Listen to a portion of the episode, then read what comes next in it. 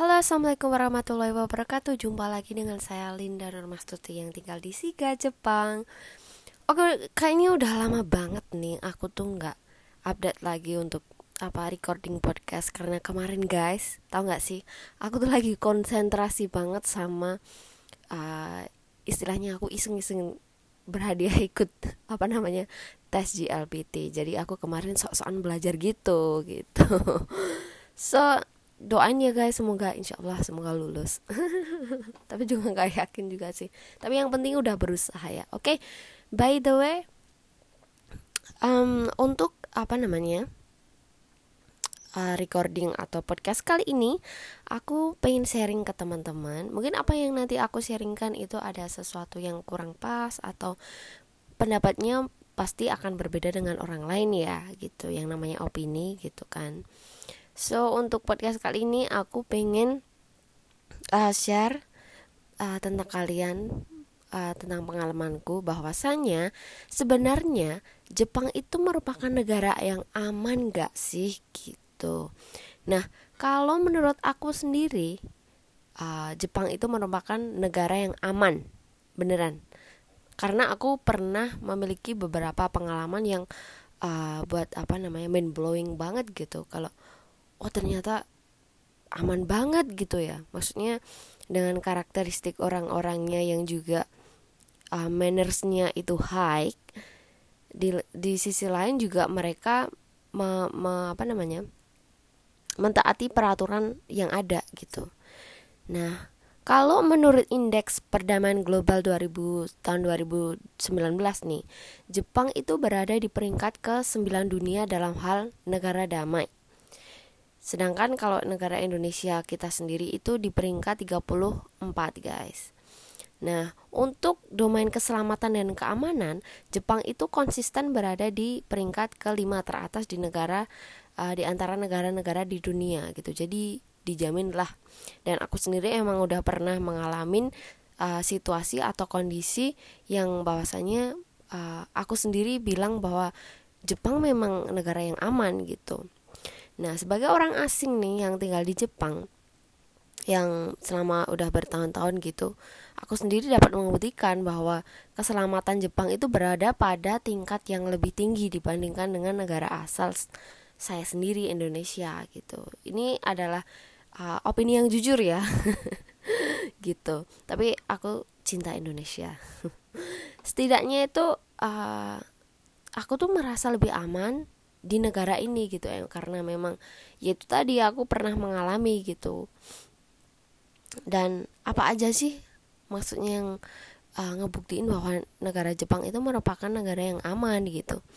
Nah itu tuh uh, aku pernah sih aku pernah pengalaman uh, waktu aku beli belanja di supermarket nih belanja di supermarket terus pas waktu pembayaran kan biasanya itu ngeluarin dompet dan mau bayar gitu kan.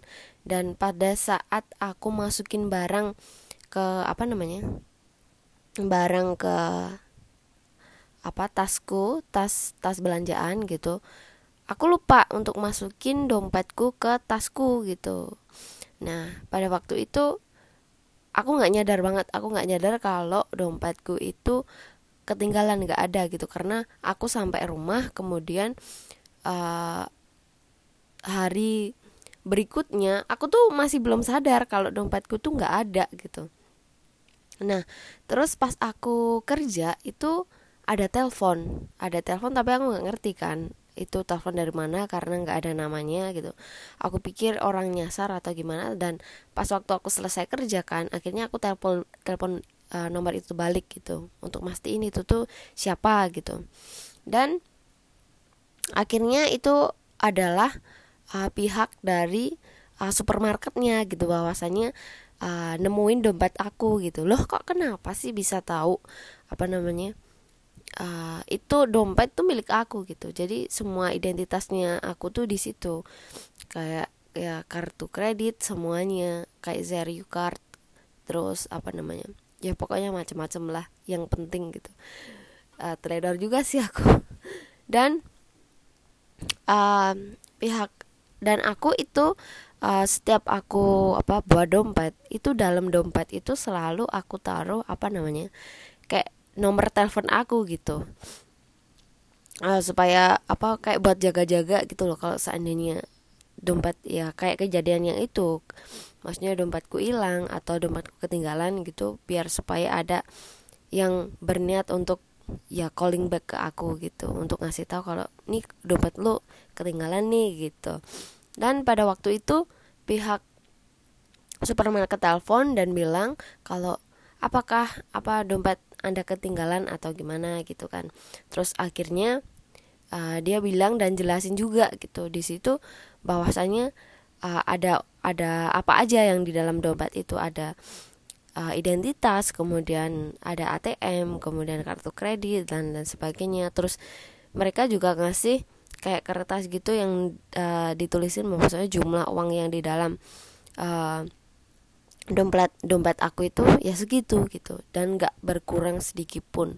Dan akhirnya setelah aku kerja aku uh, apa namanya pergi ke supermarket balik itu lagi uh, balik ke supermarket itu lagi dan aku ambil. Ya itu adalah pengalaman pertama. Pernah lagi itu pengalaman yang kedua. Lagi-lagi aku uh, ketinggalan dompetku dan dengan situasi kondisi yang sama. Maksudnya waktu itu aku habis bayar dan aku lupa benar lupa untuk apa namanya masukin dompet ke uh, apa namanya ke tempat tasku gitu. Dan waktu itu aku udah panik banget kan karena di dalamnya itu ada ada duit yang lumayan gitulah. Maksudnya ada zaryukat juga gitu. Kalau duit mah hilang bisa dicari lagi ya. Kalau zaryukat dan lain sebagainya itu ngurusnya itu yang bener-bener bakal taiheng gitu. Aku, aku pikirannya udah ke mana-mana kan. Dan waktu itu aku akhirnya telepon kan. Aku telepon langsung ke supermarket yang tadi aku beli tempat aku beli. Dan pada waktu itu aku tanya bahwasanya ada nggak sih dompet yang ketinggalan di situ gitu kan. Dan pada waktu itu juga langsung ditemuin dan langsung ada dompetnya gitu. Dan uh, disimpenin gitu disimpenin sama mereka gitu. Dan akhirnya aku balik lagi dan semuanya masih utuh. Dan bener-bener apa namanya nggak berkurang sedikit pun gitu ya. Alhamdulillah banget gitu. Coba kalau di tempat lain maksudnya di negara lain aku nggak ngerti ini bakal gimana gitu. Mungkin aku akan menjadi seseorang bodoh yang tidak beruntung gitu. Kalau di sini aku menjadi orang yang bodoh dan beruntung. Karena ya alhamdulillah ada orang baik yang uh, mau mengembalikan gitu. Pernah juga kan ini hal sepele gitu tapi uh, menurut aku ini adalah sesuatu hal yang sangat penting gitu. Karena manners itu adalah uh, high apa ya namanya sesuatu hal yang sangat penting kayak pondasinya gitu pondasi hidup seseorang gitu. Ketika mannernya baik uh, otomatis nanti hidupnya juga akan lama kelamaan akan baik gitu loh sesuai dengan mannersnya itu. Nah pernah aku juga uh, contohnya ini aku makan sama temanku. Maksudnya di Kaisya di apa namanya di perusahaan gitu kan.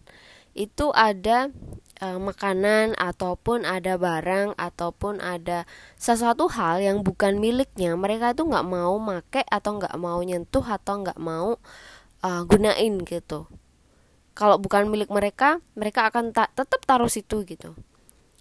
Nggak bakal nyentuh dan nggak bakal uh, makan kalau nggak disuruh gitu jadi memang benar-benar uh, apa ya namanya etikanya itu uh, luar biasa gitu patut dicontoh sih kalau menurutku gitu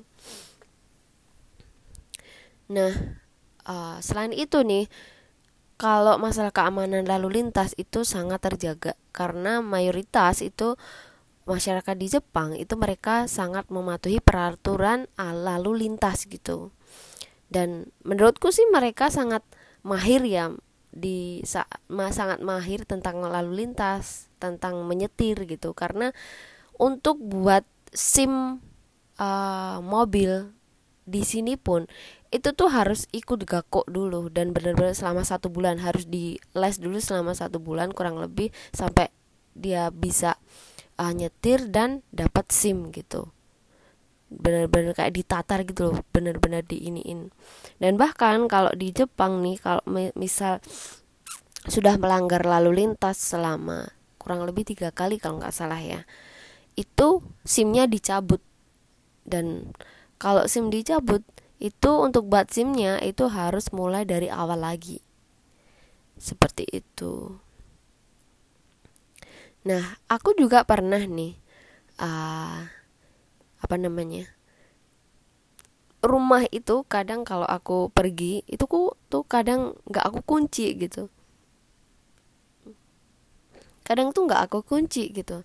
Tapi alhamdulillah uh, sampai sekarang pun ya alhamdulillah nggak ada apa-apa gitu. Tapi jangan ditiru ya guys. Lebih baik dikunci gitu untuk uh, meng, meng apa namanya mengkati, mengantisipasi ada sesuatu gitu. Kalau sekarang pun aku masih tetap aku kunci sih teman aku juga gitu. Ada yang sering mereka itu nggak ngunci uh, apa namanya nggak ngunci rumahnya gitu. Karena uh, perusahaannya deket emang deket sama apa namanya rumahnya kan. Dan alhamdulillah juga nggak ada barang kecolongan atau apa terjadi sesuatu hal yang nggak diinginkan gitu. Tapi lebih baik dikunci guys. Jangan ikut ikutan anu aku yang uh, dulu-dulu gitu. kalau sekarang mah udah aku kunci gitu. Nah, emang bener sih apa namanya? Yang tadi aku bilang apa pun itu maksudnya uh, orang-orang di sini tuh mereka nggak jahil gitu, nggak nggak istilah kalau bahasa Jawanya tuh celutak gitu. Tangannya ora celutak jadi tangannya itu mereka kalau bukan miliknya mereka nggak bakal mau nyentuh nggak bakal mau ngambil. Bahkan sering nih ada sesuatu uh, barang nih yang jatuh di uh, di jalan gitu. Nggak ada seseorang pun yang apa ngambil gitu. Kayak jaket ataupun tas yang ketinggalan itu dicentelin uh, di atau dipinggirin gitu. Biar orang yang uh, apa namanya orang yang kehilangan itu mereka tahu gitu